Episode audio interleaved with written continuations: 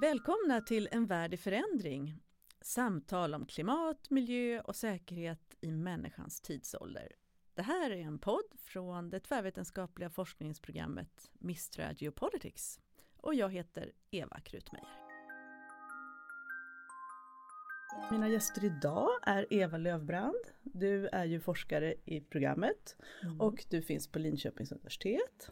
Och den gäst som du har valt idag är Viktor Galas som finns på Stockholm Resilience Center. Och ni ska alldeles strax få berätta lite mer om er själva. Så välkomna!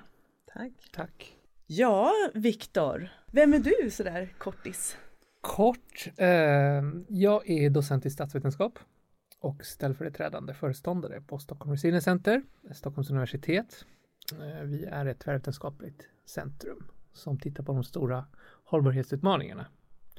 Eh, min forskning handlar om global styrning eller global governance, särskilt då vad gäller eh, komplexa system och med fokus på planeten, nya teknologier och sen sista åren kring finansmarknader, finanssystemet, hur det formar vår biosfär. Jättespännande. För, för några år sedan var du mycket inne på det här med innovation, eller hur? Mm. Då läste man om dig så tänkte man, åh, en mm. innovationsforskare. Ja, innovation är en del av resiliens, det var därför vi, vi studerade förnyelseförmåga. Ja, så roligt. Och Eva, vem är du då? Ja, men jag är lektor och docent vid tema miljöförändring i Linköping ehm, och även eh, på Centrum för klimatpolitisk forskning som vi har där. Tvärvetenskaplig miljö som ägnar sig åt att begripa sig på de stora miljöutmaningarna på olika sätt. Ehm, och jag är miljöstatsvetare, har ägnat min forskargärning åt att förstå vilken roll kunskap och idéer spelar i miljöpolitiken på olika sätt. Och det är så som det här begreppet antropocen har kommit in i min värld. Åh vad nyfiken man blir. Mm. Det, det, var så det började. Ja, det var så kommer, kommer ni ihåg när ni första gången hörde det begreppet? Viktor? Har du någon? Tror liksom... det, i alla fall nyckelbudskapen hörde jag nog för första gången 2005. Det var en kvällsföreläsning på Världens Eko som en mm. kvällskurs som eh, vi fortfarande har eh, med Will Steffen. Där han Will Steffen måste du nästan berätta vem ja, Will Steffen är väl ett av världens absolut mest kända jordsystemforskare. Så att det, i det ingår ju klimatet men också de levande systemen.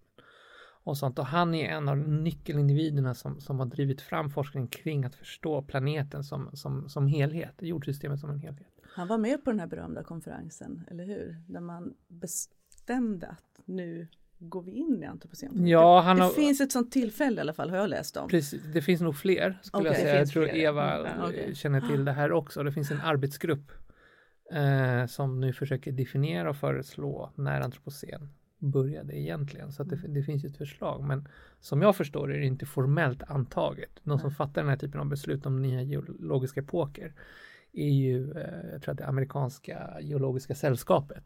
Så det är de som formellt fattar ett sådant beslut. Så det är inte formellt fattat. Men däremot så har det funnits arbetsgrupper och diskussioner och olika år eller mm. som har föreslagit för när, när det är verkligen sådär existentiellt filosofiskt intressant. Det sitter en grupp människor och tar på sig liksom rollen mm. att nu ska vi bestämma att jorden har gått in i en ny era. För, mm. för Eva, ja, vad är alltså- antropocen och hur kom du först i kontakt med det och så vidare? Ja, alltså jag Det var under min avhandlingsperiod som jag eh, mötte antropocen första gången och det var egentligen långt innan den här mm. eh, arbetsgruppen eh, inom det geologiska sällskapet tog sig an den uppgiften. Det här är ju ett begrepp som, som föddes utanför geologin men som gjorde anspråk på, gjorde geologiska anspråk och därmed så hamnade på geologernas bord. Men det var mm, egentligen mm. Eh, långt senare skulle jag säga. Um, var började det? Ja, var började det? började i det eh, internationella geosfär biosfärprogrammet där Will Steffen mm. var ordförande. Eh, och det är ett program som har funnit, hängt med sedan mitten av 80-talet. Och syftet var att föra samman de olika miljövetenskaperna eller Earth Sciences i en, eh, ett integrerat studie av jorden som helhet. Um, och det var väldigt modelldrivet program um, med syfte då att förstå människans påverkan på planeten som helhet. Mm. Um, och det var ju när man började då sammanlänka alla de här kunskapsfälten atmosfärkemi, med liksom ekologi och som man, som man då och, och byggde in det här i modeller som man började förstå liksom, det aggregerade avtrycket som människan har gjort på planeten. Och det var då, i, i ljuset av den diskussionen, som antropocen föreslogs som ett begrepp. Eh, och den formella, eh, den skrift som oftast eh, man hänvisar till då, som är liksom ursprungstexten, är ju ett, ett, en newsletter från IGBP, det här mm. internationella mm. geosfärsprogrammet från 2000. Då är det ju eh, Nobelpristagaren Paul Crutzen och biologen mm. Eugene Stormer som mm. lanserar begreppet antropocen som ett förslag på hur vi ska liksom förstå det här samlade mänskliga avtrycket. Hur definierar vi antropocen i, i, idag då? Har, har du någon bra one-liner? Jag har ingen one-liner, det är ett otroligt komplext begrepp och det kanske är det som är begreppets Eh, är det därför vi rent av sitter här? För ja, jag tror det. bena ut det här lite? Ja, och jag, jag, tror att här är vi inte överens om vad det är för någonting. Men om, om man då ska lite så här återvända till eh, ursprunget här då så är det ju ett begrepp som definierar en ny period i jordens historia, liksom formad av mänsklig aktivitet, alltså antropos, mm. människan och sen mm. och tidsålder. Så det är ju liksom då men, den men, mänskliga tidsåldern eller människans tidsålder Um, och det här är ju en era som oftast beskrivs som, beskrivs som instabil och osäker. Mm. Uh, och vi kommer väl återkomma till det här med holocenbegreppet mm. som man uh, använder som kontrast. Då. Holocen var alltså den tidsperiod, eller är den tidsperiod som ligger precis innan antropocen. Ja, de senaste 12 000 åren. Ja, som, som, som beskrivs som, blir, som väldigt stabil. Som är en, har varit en gynnsam period. Mm, för människan ja. i alla fall. Mm. Men antropocenen är ju då en tid, kan man säga, då den moderna samhällets storskaliga resursförbrukning, förbränning av fossila bränslen, avskogning, jordbruk, urbanisering och teknisk infrastruktur har förändrat jordens landmassa och biologiska system i grunden. Det, det är själva påståendet eller hypotesen. Ehm, så människan lämnar nu ett avtryck i jordens strata. Är ju Alltså en sak är ju att vi är många och att våra handelsvägar, våra ekonomier är integrerade. Det kan jag liksom ta in, men det här att det till och med påverkar planeten, det känns ju tufft Viktor. Alltså hur, hur liksom, det är en viss skillnad. Ja, det är det. Och det är väl kanske det som jag skulle lägga till då. Alltså det handlar ju om mänsklig påverkan på planeten har ju funnits väldigt länge och går att spåra väldigt långt tillbaka i tiden. Men antropocen för mig är när den här påverkan blir en, en kvalitativ förändring i mänsklig påverkan, inte bara kvantitativ. Och kvalitativ i den bemärkelsen att det börjar påverka grundläggande funktioner i jordsystemet. Kan du ge något exempel? Eh, vi kan väl eh, diskutera, jag menar nu om, om man ser över planetens långa historier så har vi till exempel nu koldioxidkoncentrationer i atmosfären som är mycket högre än vad de någonsin har varit under mänsklig historia, kanske till och med miljoner vi får gå miljoner tillbaks eh, i historien för att komma upp till den här typen av koncentrationer. Mm. Eh, så det, det, är bara ett exempel, men jag menar grund, andra grundläggande funktioner i sådana här tipping elements som vi kallar det, eller sovande klimatjättar i, i, i det här klimatsystemet som är delar av klimatsystemet som kan tippa över och därmed eskalera eh, den globala uppvärmningen. Så ett exempel är Amazonas, till exempel när det finns eh, förslag på, vi har sett historiskt i klimathistorien att Amazonas kan tippa över från regnskog till savann. Mm. Och när det gör det så får det stora återkopplingar äh, till, äh, till klimatsystemet. Det finns flera sådana här mm. saker och det här drivs av mänsklig aktivitet. Så att det, för mig är det helt fundamentalt. Det är inte en kvantitativ förändring utan en kvalitativ förändring.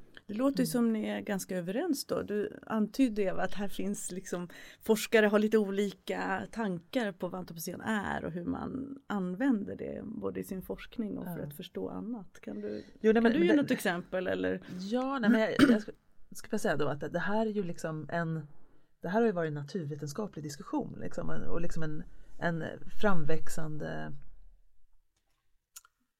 eh, omdefiniering av människans roll på planeten. Liksom, och, i vilken, och bara det här, det här antagandet att människans påverkan kan vara så fundamental att vi faktiskt eh, formar och styr hur planeten eller, och styr låter ju som att vi kan kontrollera det här. Mm. Det, Mm. det, Mm. det är ju helt uppenbart att vi inte kan men, men att vi påverkas så till den milda grad att, att jordsystemet har ändrat karaktär.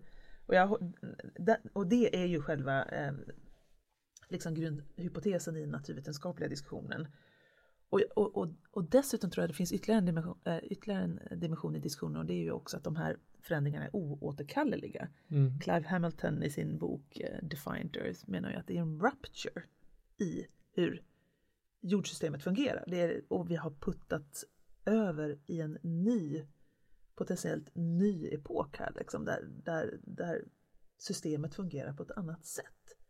Eh, Får jag i så fall då koppla in där eh, Viktor, för jag läste i Svenska Dagbladet här en understreckare Mm. i, i höstas. Eh, då skrev du så här, år 2018 kommer att ges en särskild plats i klimathistorien. Framtidens historiker kommer att berätta om en perfekt storm bestående av allt dystrare budskap från klimatforskningen, återkommande extremväderchocker och populismens svallvågor som svepte över kontinenter och hotade decennier av hårt internationellt klimatarbete. Det känns ju som en liksom, dimension av det här, eller hur? Ja, det lät ju oerhört dystopiskt det där, men det, men det. är ju sant.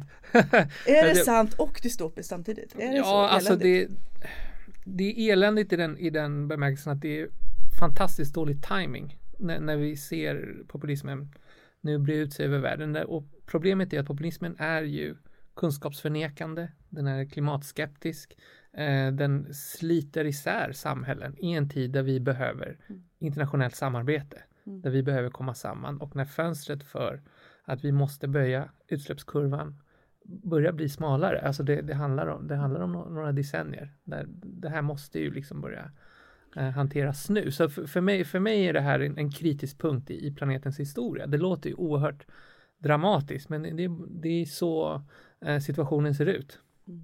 Hur var det innan populismen liksom slog till på allvar? Och, och vi, vi pratar ju mycket om det Mm. nu med att vi inte litar på kunskap längre och Mm. eh, kunskapsresistens och fake news och alltihopa.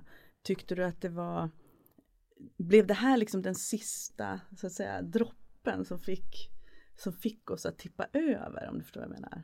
Eh, Har, har den en sån betydelse? Eller Jag, tror, alltså, jag tror inte att vi har tippat över i den bemärkelsen att vi ska ge upp eh, ambitionen till ett globalt samarbete kring den här typen av utmaningar. Där så långt Men det har det blivit inte svårare. kommit. Ja, det är klart det har blivit Mm. svårare om du, du tänker dig hur Trump agerar, resonerar och USA agerar i de internationella arenorna. Nu har du Bolsonaro också i Brasilien som dessutom har att förvalta Amazonas som vi redan har nämnt eh, som en kritisk punkt i det här jordsystemet. Så, så ser det inte ljust ut ur det perspektivet. Sen hur länge den här trenden håller i sig är ju svårt att säga. Jag, jag tror inte att det är kört i den bemärkelsen att vi, vi ska ge upp nu.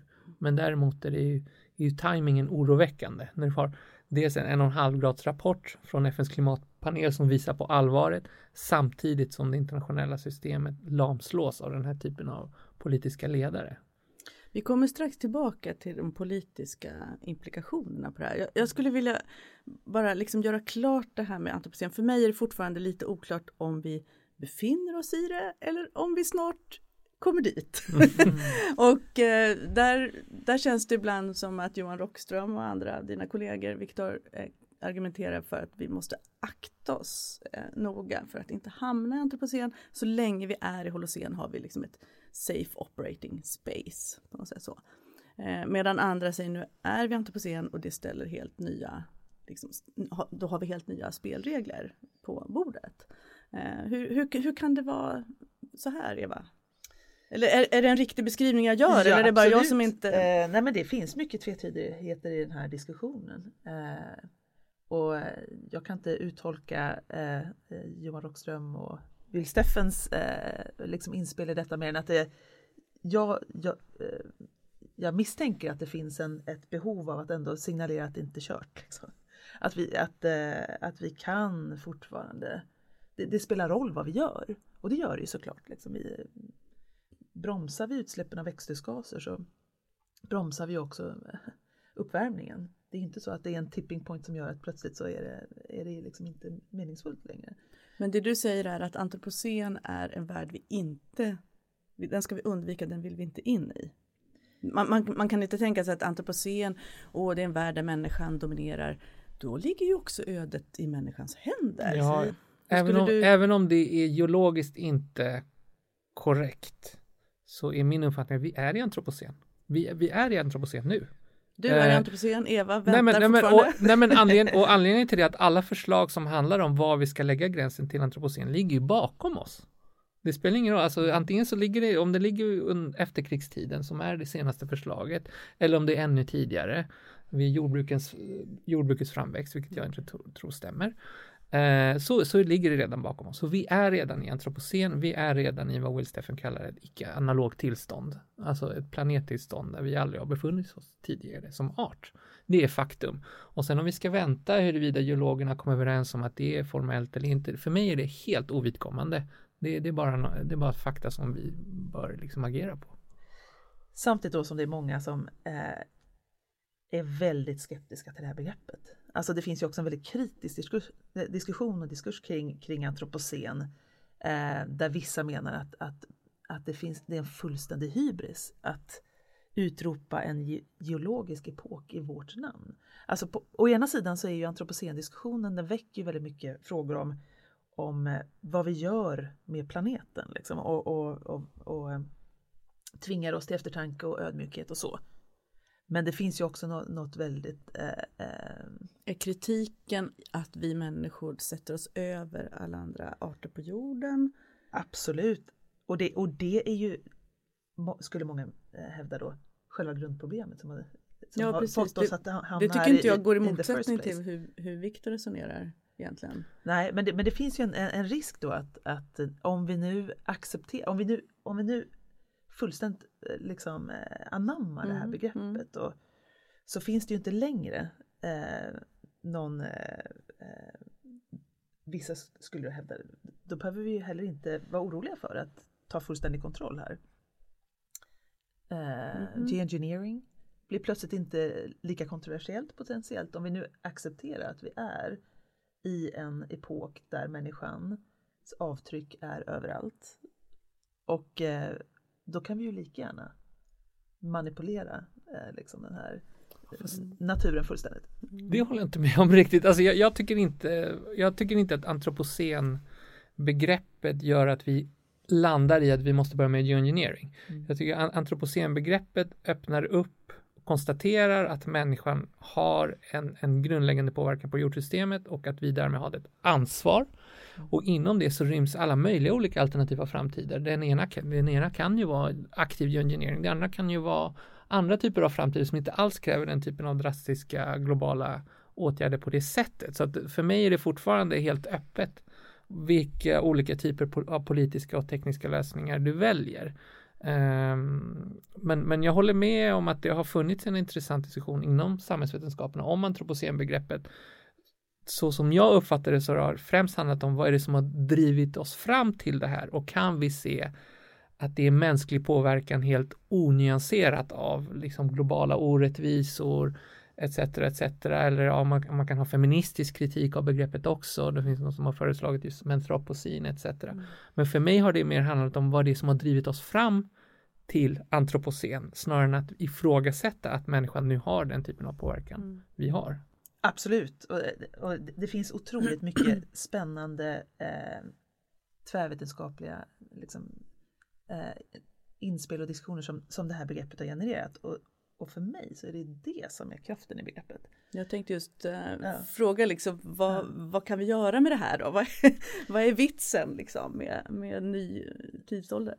Ja, alltså jag tänker att eh, i eh, miljövetenskapliga liksom, forskarkretsar så har ju det här blivit en, en, en door opener för en massa olika slags intressanta samtal.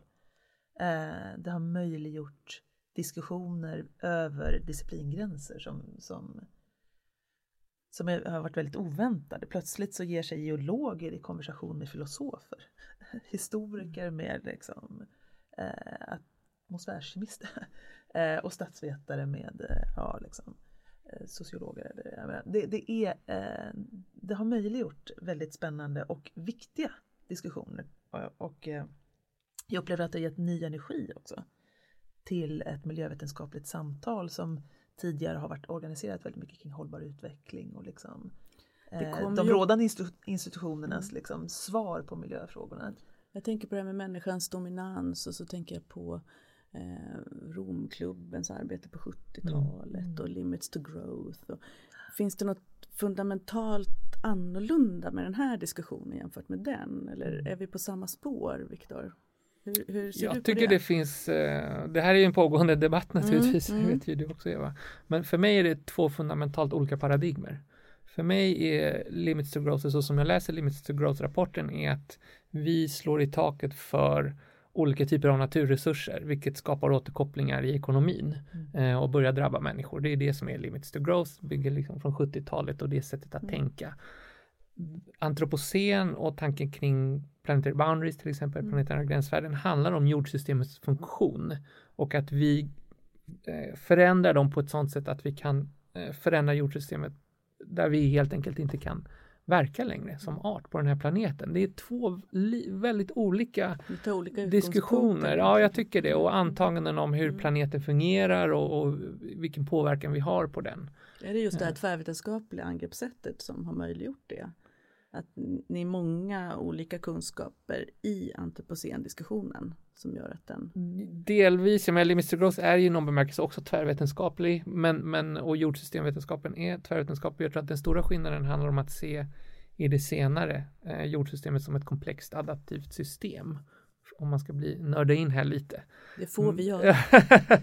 ja, men just med tröskeleffekter och interaktioner som går över skalor eh, eh, som också ger utrymme för innovation eh, och som där För du att kan hitta människor lösningar. är just den här delen. I- av en integrerad integrerad del av jordsystemet, Mm, mm. ingenting separat eh, som bara påverkas passivt. Utan det är helt Du vill lägga till något? Ja, men det, båda, båda inspelen delar ju liksom en, en, eh, eh, liksom en komplexitets eh, och modelldriven ingång. Alltså to Growth var ju också, byggde ju på en, på liksom en komplex modell.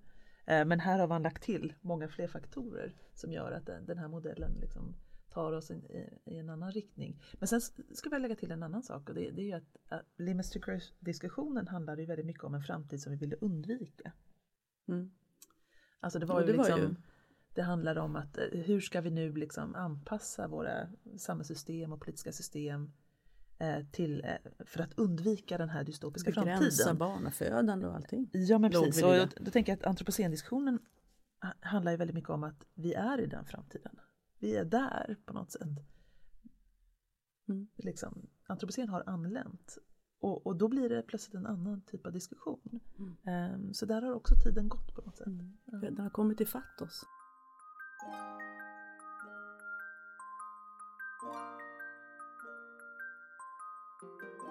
Hörrni, nu har vi kommit till det spännande eh, tillfället i detta program när vi ska dela med oss av våra boktips tänkte jag. Så ska vi sen återkomma till eh, politiken och antropocen. Så vi har tagit med oss varsin bok. Vem vill börja? Eh, ja, här har vi en bok som jag tänkte att jag skulle vilja eh, slå ett litet slag för. Den Då får du berätta vad den heter, vem. Manifesto for Living in the Anthropocene. Mm. Det är en redigerad bok utav eh, Catherine Gibson, Deborah Bird Rose och Ruth Fincher som alla är verksamma i Australien. Ja. Eh, och jag tänkte att jag tog med den lite som en motvikt till mycket av den här dystopiska antropocen-debatten. För det är ju så att det är många humanister som gett sig in i den här diskussionen på senare tid och, har använt sig utav antropocen-begreppet för att gjuta ny energi i miljöetiska, miljöfilosofiska Mm. diskussioner. Ehm, Så det här är en bok som väcker frågor om vad det innebär att vara människa i en miljöförändrad värld.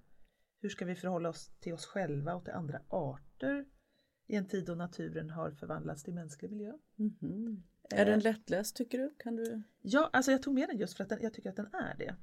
Ehm, mycket utav den här, alltså som sagt, antropocendiskussionen har, har, har blivit en väldigt tvärvetenskaplig diskussion. Eh, jättemånga filosofer som tycker det här är otroligt spännande. Det är ett väldigt tvetydigt och lite märkligt begrepp och, och just det har, har gjort att många tyckte det varit kul att liksom, eh, göra filosofi av antropocen. Eh, och mycket av den diskussionen kan nog uppfattas som ganska otillgänglig. Mm. Eh, men vad den spännande. här gö- tillgängliggör Vi säger eh, igen vad den heter. Manifesto. for living in the Anthropocene. Sen finns det ju bidrag som handlar om att vi ska learning to die in the Anthropocene och så, men det här är ju faktiskt lite mer hoppfullt. hur kan vi leva i antropocen liksom? Vilket ansvar har vi för hur vi lever våra liv och hur kan vi närma oss naturen med större ödmjukhet och respekt? När, Eh, och det när här- kom den ut? Ja, den kom ut 2015. Mm. Eh, det är också en, eh, ett, forskningsprogram för en ny miljöhumaniora. Mm. Alltså hur, hur kan vi som forskare närma oss naturen på nya sätt? Eh, och, och, och ta här, den här utmaningen på allvar. Vad innebär det för liksom vår forskningsagenda? Och i synnerhet då är det intressant för humanister som har eh, länge ägnat sig åt eh, liksom, eller angripit sin forskningsgärning med, med den här natur och kulturseparationen som en, som en central liksom, grundpelare. Om den bryts ner här nu, om natur är kultur, Om vi är en del av den, helt integrerade, Precis. kan inte komma loss. vad, hur kan vi, liksom, kan vi eh, skapa mer ödmjuka möten med en värdeförändring? Och då finns det lite sköna kapitel här som handlar om då vad, vad skulle kunna vara antropocena forskningspraktiker. Och ett kapitel då som jag tyckte var, som har inspirerat mig då eh, på senaste har varit eh, ett kapitel om vandring som en Mhm. forskningspraktik. Alltså hur kan vi liksom i, i vandrandet lyssna och, och möta och gå i dialog med naturen på nya sätt. Så det här har Wow. inspirerat till lite vandringar som jag har gjort med miljöhumanister i Linköping och på andra håll. Så ni vandrar och eh, diskuterar. Och diskutera frågorna. miljöfilosofi och, eh, och liksom fundera på vad som händer i, i det lite långsamma mötet med naturen som det blir där man faktiskt inte forcerar utan man faktiskt tar sig fram. Så till spännande! Och när du säger mötet med naturen blir det ju också mötet med mig själv då, antar jag. Precis. Så vackert, så vackert. Viktor, du har också tagit med en bok. Ja, jag tog med um, Clive Hamiltons bok. Eh, Det är en klassiker har jag förstått. Ja, den har, den har kommit på svenska. eh, I år eller förra året tror jag, slutet på förra året. Den trotsiga jorden. Mm. Människans öde i antropocen. Det har ju kommit väldigt många olika böcker om antropocen. Jag har själv skrivit en, den har säkert lästs av ett tiotal personer i världen. Men det som är det som är så bra med den här med Clive Hamiltons bok är ju att den är ju så vackert formulerad.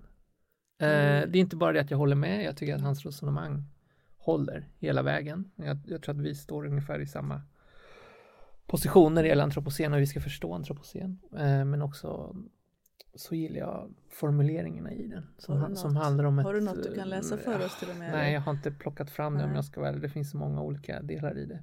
Men du, du Ehm. får liksom en, en litterär upplevelse. Absolut, när du läser det, det tycker jag. Och, och inspirerande. Mm. Eh, för det, det handlar ju om den här balansen som vi har diskuterat här, att kunna förstå antropocen, kommunicera riskerna med antropocen, men att också vara ärlig i det som är hoppfullt, Mm. trots att vi nu befinner oss i ett Mm. icke-analogt tillstånd på planeten, eh, som ju är skrämmande. Så att jag, nej, jag fick ut mycket av, av den Vad boken. roligt. Ja. Jag tog också med en bok. Ja, är, ni, är ni nyfikna? Absolut. min ryggsäck. Jag tog med Ja, eh. Donut Econ- Economics, Mm. heter den ju. Alltså det måste ju vara helt omöjligt att översätta det till svenska. Eh, Flottyrmunkekonomi. Jag tror den kommer på svenska faktiskt. Och den heter? Det vet jag inte. Mm. Alltså Donut Economics är skriven av Kate Raworth. Jag följer henne på Twitter också och eh, hon är ju ekonom och ger liksom en, en enkel men ändå tycker jag eh, rik liksom, modell för mig som, som är inte forskare att, att liksom förstå ekonomi på ett lite nytt sätt. Som, som amerikan skriver hon ju många ord, man behöver inte läsa allt. Utan man kan ta de kapitel man gillar. Men jag, jag gillar det jättemycket för att eh, det vänder liksom ut och in på vad ekonomi är för någonting. Och det hon gör är ju att hon helt enkelt hon ritar två ringar där den yttre är de planetära liksom, förutsättningarna för liv och den inre är vad vi varje människa på något sätt behöver som en grund. Och sen däremellan finns det det vi kallar ekonomi då antar jag. Jag är inte ekonom men jag Mm. tycker just därför att den har varit spännande att läsa så den vill jag också slå ett slag för då. mm. Då har vi tre boktips och vi lägger upp dem på hemsidan sen också så alla kan se och beställa. Vad kul! Känns det bra så långt? Absolut. Absolut. Jag skulle vilja komma tillbaka till det här med, med hur man kan använda antropocen- antropocenbegreppet och, och vad, det ställ, vad det ställer för krav på politiker till exempel. Vad det ställer för krav på företagsledare och beslutsfattare. På vilket sätt förändrar, ni har ju varit inne på att det här förändrar allt på något sätt och just därför blir det väldigt abstrakt. Eh, Viktor, vill du, vill du börja hur, hur det här med tidsskalor och Mm. politik och hur, hur antropocen påverkar det? Menar du användbarheten Ja, i begreppet ja, i, i det stora samhället? Mm. Och, eh, antropocen i sig hjälper ju inte. Det nej, inte? men, nej, men det är Det är som att säga, ja, men på, quick vilk, fix, på, nu vilk, har vi ett nytt sätt att tänka. Nej, alltså det är ju som att säga, men på vilket sätt eh, hjälper klimatförändringar Mm. politik och, och företagsledare? Det är, det är någonting mer i det och det är ju den grundläggande förståelsen som kan leda till att du ställer andra frågor och börjar agera på ett annat sätt. För mig innebär antropocenbegreppet när vi kommunicerar det med politik och företag och allmänhet att för det första att se jordsystemet och då säger vi helt enkelt att eh, antropocen handlar mer om klimat. Jag märker Viktor att du undviker, du säger inte naturen Nej, nej, jag använder inte naturen. och, och du säger jordsystemet Yes. istället. Kan du bara dra det lite kort? för mig är inte, för mig inte naturen ett användbart begrepp. Eh, i, alla fall inte, I alla fall inte när vi diskuterar antropocen. För, för att eh, idén med antropocen är ju att eh, vi formar ju allting som händer på planeten och när du diskuterar och pratar om natur så får vi en föreställning om någonting som är orört och opåverkat av människan och det existerar Någonting inte vi går längre. ut i för att Ja, njuta. för att, precis. Och det existerar inte längre. Utan det är ju all, allt som sker nu är påverkat av mänsklig aktivitet. Så därför pratar jag om jordsystemet. Jag tycker när skalan. du ger den förklaringen på det sättet då tycker jag att jag hamnar liksom ett snäpp närmare Mm. det här du menar med att jag ställer en ny typ av frågor. Mm, Det mm, blir liksom det blir omöjligt att, att tänka som man gjorde innan. mm, mm. Eh, Men hur kan politiken, eh, Eva, ta sig an det här då? Det verkar Ja, ju ändå precis. fortfarande ganska Ja. abstrakt. Ja men alltså det, det är ju många som har börjat äh, gräva det där. Faktiskt med en, en annan bubblare som jag hade med här som en alternativt boktips. Eva visar nu en bok som Nu heter bok. The End of Nature. Precis, Bill McKibben, eh, miljöaktivisten som redan på i slutet av 80-talet formulerar den här tesen att naturen har tagit slut i ljuset av klimatförändringarna. Men du Eh, använder fortfarande ordet natur. vad sa du? Du, Eva, använder Jag fortfarande ordet det, natur. men det är klart att det, i antropocen är, är ju det ett, ett, eh, ett obsolet be- begrepp. Eh, och det här är ju, om man nu ska översätta det, vad, vad, vad är de politiska implikationerna? Ja, helt uppenbart är det ett jätteproblem för miljörörelsen. Som eh, länge har ägnat sig åt naturen och den här pristina, liksom, orörda naturen. Men på Eh, vilket sätt blir det här ett problem? Blir Ja, här... vad, vad, är det, vad, är politisk, Ja. vad är det politiska projektet Mm, för miljörörelsen mm, om det inte mm. är att bevara eller konservera den här eh, eller skydda den här orörda naturen. Alltså nature conservation har ju varit en så liksom central, centralt uppdrag på något sätt för miljörörelsen. Och nu då, om Mm. alltså det här är ju väldigt kontroversiellt, Mm. kontroversiellt. om Mm. naturen inte finns kvar. Liksom, vad är det man ska ägna sig åt då? Eh, och, och det har ju skrivits mycket spännande saker om detta då. Men natur finns ju kvar i den meningen att vi har skogar och vi har eh, hav och vi har alltså det vi då tidigare kallade för Ja, natur ja, i alla ja. fall. visst. Eller hur? Nej, det betyder inte att de är oviktiga. Nej. Nej, för jag menar, och det är själva grunden i, i vårt arbete. Det, det är ju att ekosystem, levande system är ju fundamentala för, för mänsklig utveckling överallt. Eh, men det är inte samma sak som att säga att det finns orörd natur. Men är det just det här orörda som, som blir problematiskt menar du Eva? Att Ja, det alltså, är inte orört längre Ja, och därför får vi en annan om- relation. ja precis, och då det tänker jag att mycket av så de som har tagit sig an den här frågan och liksom väckt, eh, funderat igenom vad det skulle kunna innebära för, för en miljörörelse då Mm. menar jag att istället för att prata om naturen så får vi fundera igenom vad är det för miljöer vi skapar. Eh, för vem skapar vi sådana miljöer? Vilken funktion ska de spela? Eh, och eh, ja, vilket ansvar har vi för den värld vi är med och formar? Mm. Och såklart att det betyder ju inte att haven inte finns kvar eller skogen inte är, är skog. Men det är klart att vi är med och, och formar hur skogen vilken Mm. form sko skogen tar sig. Och vi fyller nu haven med plast. Alltså, Mm. haven är ju det, vi är ju med och formar faktiskt förutsättningar för liv i haven. Mm. Ehm, Så det är en ny roll för miljörörelsen där människan är en annan aktör än vad vi har varit tidigare. Precis. Och jag tror att, och en del menar ju till och med att, att det här kan hjälpa miljörörelsen att, att ställa viktiga etiska och politiska frågor liksom, som också handlar om social rättvisa. Mm. Alltså som inte bara handlar om hur kan vi konservera en pristin natur men Mm. faktiskt också fundera igenom Mm. vem, vems natur är det vi skapar här. Mm. Det där är en otroligt viktig reflektion. Jag tänkte på det nu senast. eh, Det finns en studie som, vi, som visar hur eh, fiskeresurser kommer att omfördelas globalt på grund av den globala uppvärmningen. Det är helt enkelt för att arter flyttar på sig när det blir varmare och, etc. Och det, och det blir så tydligt när du ser den studien. Den, det är Rashid Soumaila Mm. som publicerade i Nature Climate Change. Där man ser hur antropocen är en, är en osynlig hand som omfördelar resurser och risker på ett helt annat sätt än tidigare. Så att den studien visar hur fiskeresurser eh, från Västafrika, Sydostasien helt plötsligt migrerar upp norr till den globala nord eh, över decennier. Så det är en enorm omfördelning som bara har att göra med hur haven fungerar i antropocen och det väcker ju precis den här typen av nya frågor. Vad har vi för ansvar nu när det här händer i jordsystemet? Vad, vad finns det för sociala eh, dimensioner av det här som måste hanteras? Vad finns det för tekniska lösningar i den här skalan? För det är ju det som är så intressant med antropocen, att det är skal eh, här, att det är glo- globala processer och global omfördelning och därmed också någon sorts koordinerad internationellt samarbete som krävs. Eh, Precis, jag tänkte just på det också att där är vi ju inte riktigt välorganiserade vi människor då. Som, det passar inte riktigt de, de utmaningarna vi står inför så som vi hittills har organiserat oss i alla fall. Vi, det är väldigt mycket stuprör fortfarande. Och inte minst i politiken. Eh, det finns ju en, en annan liksom, eh, diskussion kring hållbarhetsmålen och FNs arbete där. Om hur allting är integrerat och hur de här målen liksom går in i varandra. Och, och hur passar liksom antropocenbegreppet in i Agenda 2030? Vad, vad, vad finns det för beröringspunkter och vi, vad kan vi lära oss av det? Vill du börja Eva?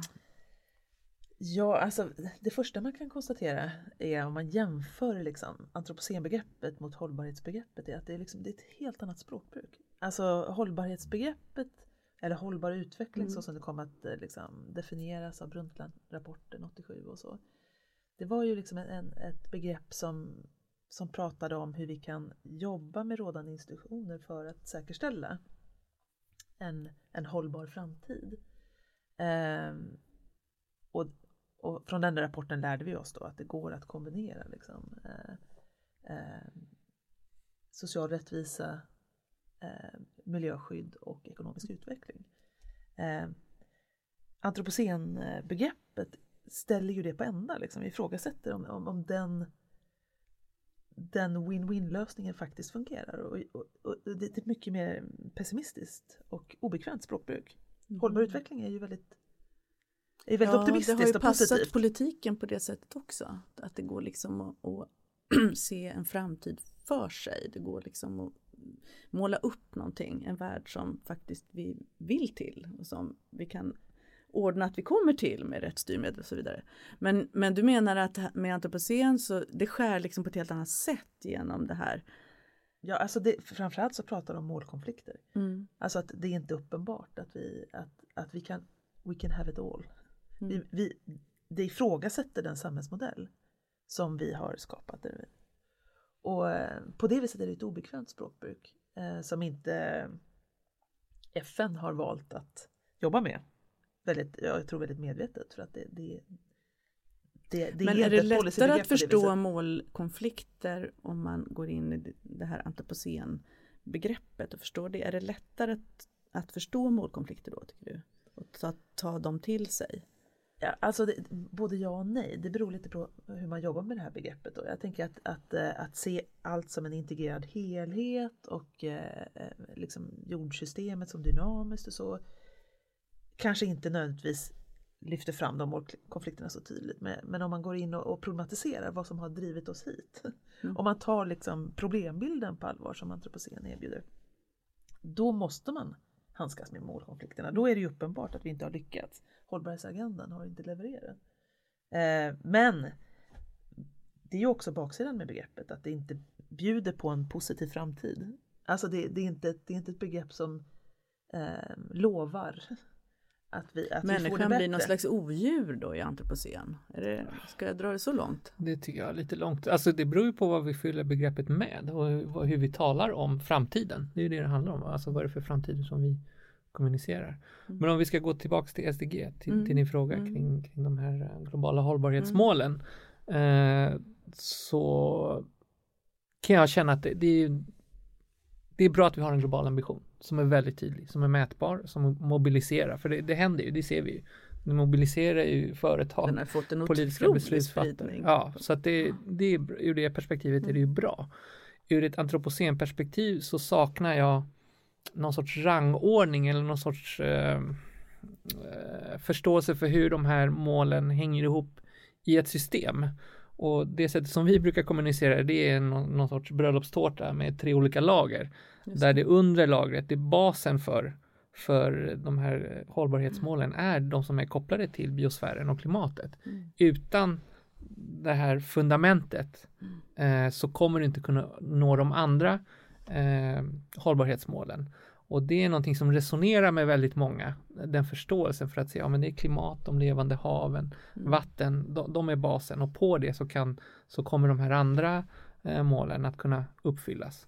Och det gör ju att då kan du identifiera just de här målkonflikterna men också synergierna där du ser att ja, en, ett, ett ingrepp eller en investering i den här delen ger positiva effekter i massa andra av de här eh, Men är det känsligt att lyfta fram några av målen som liksom mer fundamentala, viktiga än de andra?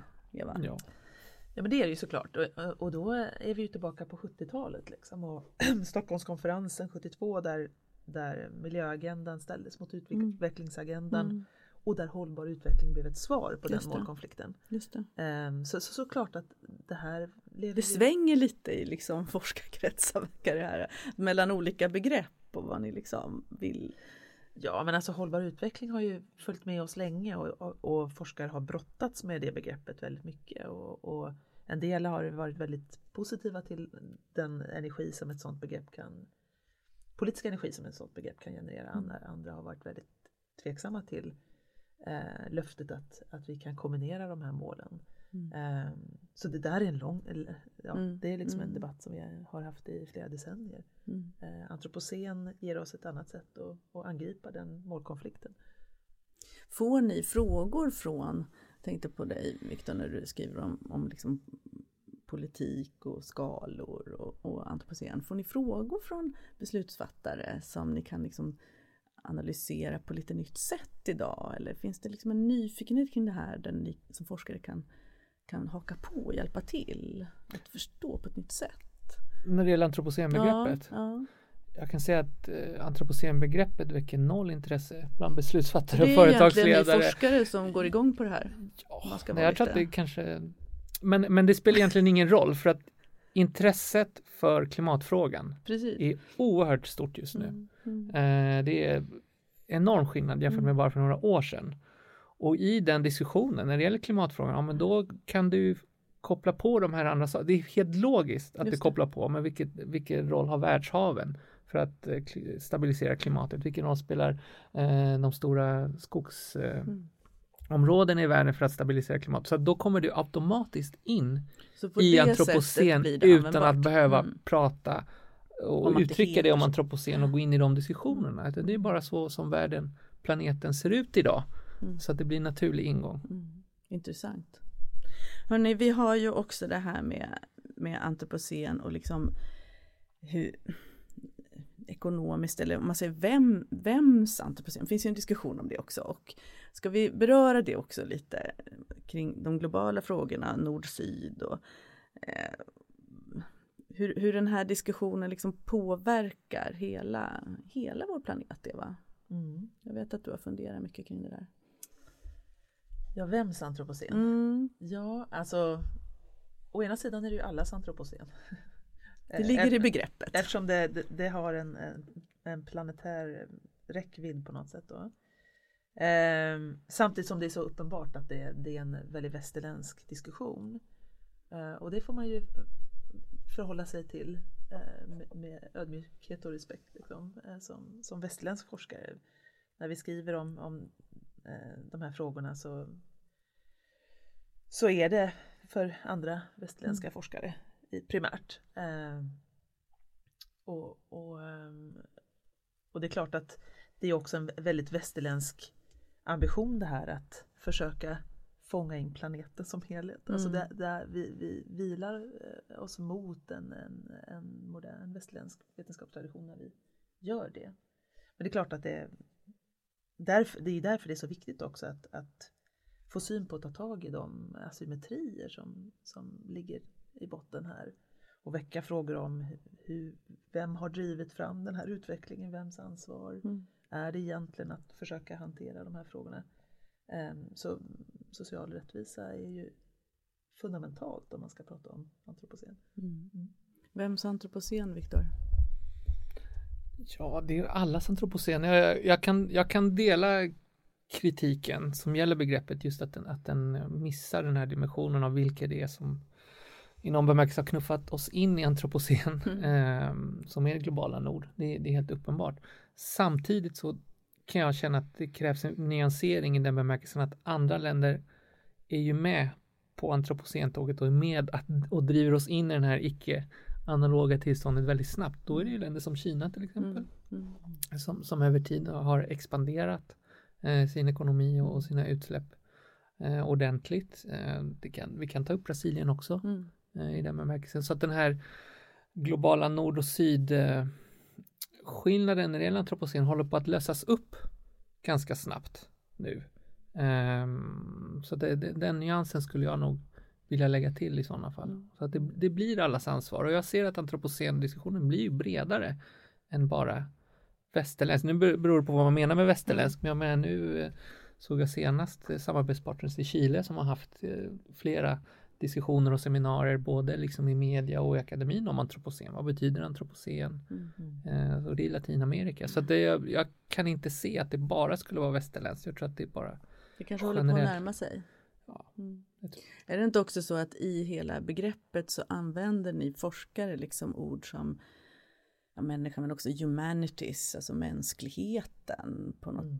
på något sätt som blir ganska abstrakt för en, för en icke-forskare i alla fall. Man tänker, ja men vad, vad, vilka är det? Vad, vad, vad, alltså att använda det som någon slags subjekt är väldigt mm. konstigt ibland. Mm. Eller vad tycker du Viktor? Du, vi, du tror... använder begreppet själv. Eller? Ja, ja, men ja. jag tror att vi, vi är väl inte vana riktigt att se oss själva som en som art. Jag tror att det är det som att det känns ovant och obekvämt att tänka att vi är liksom en art på den här planeten mm. som har expanderat och, och, och, dominerar i den bemärkelsen. Jag tror att handlar om att vi inte är vana att tänka på det sättet. Det är därför det känns obekvämt. Vi måste både tänka inifrån, inifrån och ifrån och ut och ut och ut och ut utifrån och in på något märkligt sätt i det här. Vi är liksom tänkande människor, de enda, den enda art som kan lösa den här problematiken för att vi har en eh, rätt välutvecklad hjärna. Men samtidigt så verkar vi ju inte hittills ha gjort så jättemycket mm. bra. Så. Men det är väl där då Och jag blir så lite deppig i det här känner jag. Det, ja, fast det kan ju också, det... om, man, om man då försöker att disaggregera mm. antropocen så finns det ju också liksom politik där. Alltså det, att, att prata om oss själva som en art, vilket jag håller med om att det är väldigt mycket av den här diskussionen handlar om det, att prata om, om uh, humans liksom, som mm. ett mm. kollektivt, liksom. en, en geologisk kraft, ett geologiskt subjekt. Här, eh, riskerar ju då att osynliggöra mycket av de asymmetrier som vi pratar om. Men det finns ju också, börjar man liksom fundera på vad är det för drivkrafter som ligger bakom den här artens mm. agerande så, så ser man ju ganska snart att det, det handlar ju om väldigt sociala Vi liksom, är samarbetande faktorer. djur och vi tycker om att vara i flock och vi, allt det här. Kommer det in också då? Nej, det vet jag inte så mycket som snarare att ja, liksom, det, det ju, vi har ju att göra med ett, ett, ett eh, socioekonomiskt politiskt system här. Mm. Liksom som är, driver en, en, våra fossilintensiva eh, samhällen här. Liksom. Kapitolocin är ju ett annat sätt att prata om antropocen. Mm. Där, där liksom, som sätter fingret på vad, vad det är för, för drivkrafter och orsaker. Mm. Och som också pekar på eh, eh, ja, vem är det som faktiskt har huvudansvaret här. Eh. Om man tittar framåt, eh, hur, hur tror ni då att vi har ju pratat om antropocenbegreppet nu från alla möjliga olika håll och vad, vad ser ni då att begreppet i sig har för, för framtid? Och, och jag ser att du vinkar Viktor. Du får antingen svara på den frågan eller gå tillbaka till det vi pratade om tidigare eller knyta ihop det på något snyggt sätt. Det börjar bli jag dags kan, att knyta ihop Jag kan gå tillbaka här. och sen mm. kanske vi kan ta den andra mm. frågan. Men jag, jag, tänker att eh, det finns ju alltid en risk att antropocendiskussionen blir lite deprimerande därför mm. att det är stora risker det handlar om. Men, men samtidigt så, så vet vi att vi som art, om vi tänker på har en enorm förmåga till samarbete. Mm. Nu har vi inte lyckats när det gäller det globala miljösamarbetet särskilt väl. Men generellt när det gäller andra saker, alltså vår, vår förmåga att, att handla kollektivt mm. för att kunna till exempel sitta här, prata om de här böckerna som någon har skrivit, publicerat, tryckt, som bygger på liksom, eh, andras insikter, den, den, här tekniken som vi har här som sen kommer att sändas ut, visar ju vilken enorm kapacitet vi har att samarbeta om vi har de rätta incitamenten. Och det är väl där eh, vi har fallerat, så att säga. Vi har samarbetat kring att göra fel saker. Eh, och nu handlar det om att mobilisera den kapaciteten åt en annan riktning. Det lät lite bättre. Ja, men jag, jag, tror att vi har det. Ja, men vi har ju mm. hamnat i, i den här Eh, farliga situationen just därför att vi är så otroligt bra på att samarbeta, på att skapa, på att vara innovativa. Vi har gjort men lite fel, fel saker helt enkelt. Ja, så det, det, jag är hoppfull ur det perspektivet. Um, Mer samarbete. Eva, hur ser du på framtiden för antropocen-begreppet och ja, vår framtid? Alltså, jag tänker så här att jag hoppas att begreppet fortsätter att vara obekvämt. För jag tror att det är det obekväma som det finns politisk energi. Um, och um, där ser, delar jag Viktors bild att det finns det får, finns en väldig potential i begreppet att liksom hjälpa oss att tänka nytt och, ehm, och vi ser ju hur det mobiliserar i forskarkretsar här nu på, på sätt som, som nästan är, är svåra att föreställa sig. Jag trodde att den här diskussionen skulle ta slut, men den tar ju aldrig slut. Det, det kommer nya böcker hela tiden och liksom, nya tidskrifter och konstnärer ger sig in i diskussionen, mm. miljörörelsen hakar på här nu liksom och, och, och hämtar radikal energi ur det här begreppet. Så på det viset så tror jag att det finns, eh, det finns en väldig potential liksom, att, att eh, gjuta ny energi i miljöagendan. Eh, och det är det jag tycker är hoppfullt. Men jag tror att det, det är för att begreppet är krångligt, det är tvetydigt, det ger inga tydliga svar, vi måste tänka ett varv till och det är obekvämt. Och, och det, det kanske är precis det vi behöver då. Vi behöver ett begrepp som speglar hur komplex världen är för att kunna vara många i diskussionen. Har jag någorlunda förstått det rätt då? Ja, jag tror att vad som kan hända också det är att det inte längre blir en inom citationstecken miljödiskussion. Vi, vi är liksom bortom en miljödiskussion. Det här, det här handlar om hur vi ska kunna fortsätta leva på den här planeten givet alla globala utmaningar. Och jag tror att de som tar sig an det här på allvar tänker att okej, nu, nu har vi människan den här typen av påverkan på systemet. Jag vill bli en positiv kraft i det här så att eh, vi går från någon sorts paradigm där vi, där vi ska minska vår miljöpåverkan så mycket som möjligt till att tänka, ja men hur kan jag som företagsledare eller politiker agera på ett sådant sätt att jag skapar mer värde, att jag hjälper till att stabilisera det här eh, systemet så att jag skapar mer biologisk mångfald eller koldioxidnegativa företag eller eh, företag. Och det ser vi ju idag väldigt mycket av, Exakt, det skapar en sån push, mm. liksom mm. en, en mm. sorts regenerativ ekonomi som vissa pratar om. Vad härligt, jag tror att det här är perfekt ställe att avrunda ja. för att det ändå blev lite ljusa toner. Och eh, vi får väl helt enkelt konstatera att antropocenbegreppet eh, är lite obekvämt. Men samtidigt tycks det ju rätt användbart, om inte annat i forskarkretsar, att vi har kunnat sitta och föra det här samtalet. Och eh, jag vill tacka er så jättemycket för det här eh, samtalet och det är Viktor Galas, Stockholm Resilience Center, Eva Lövbrand, Linköpings universitet. Och och eh, vi kommer att återkomma med fler eh, program i den här poddserien. Så jag, Eva Krutmeijer, tackar också för mig och hoppas på återhörande. Hej då! Det här var ett avsnitt i poddserien En värld i förändring från forskningsprogrammet Mistral Geopolitics.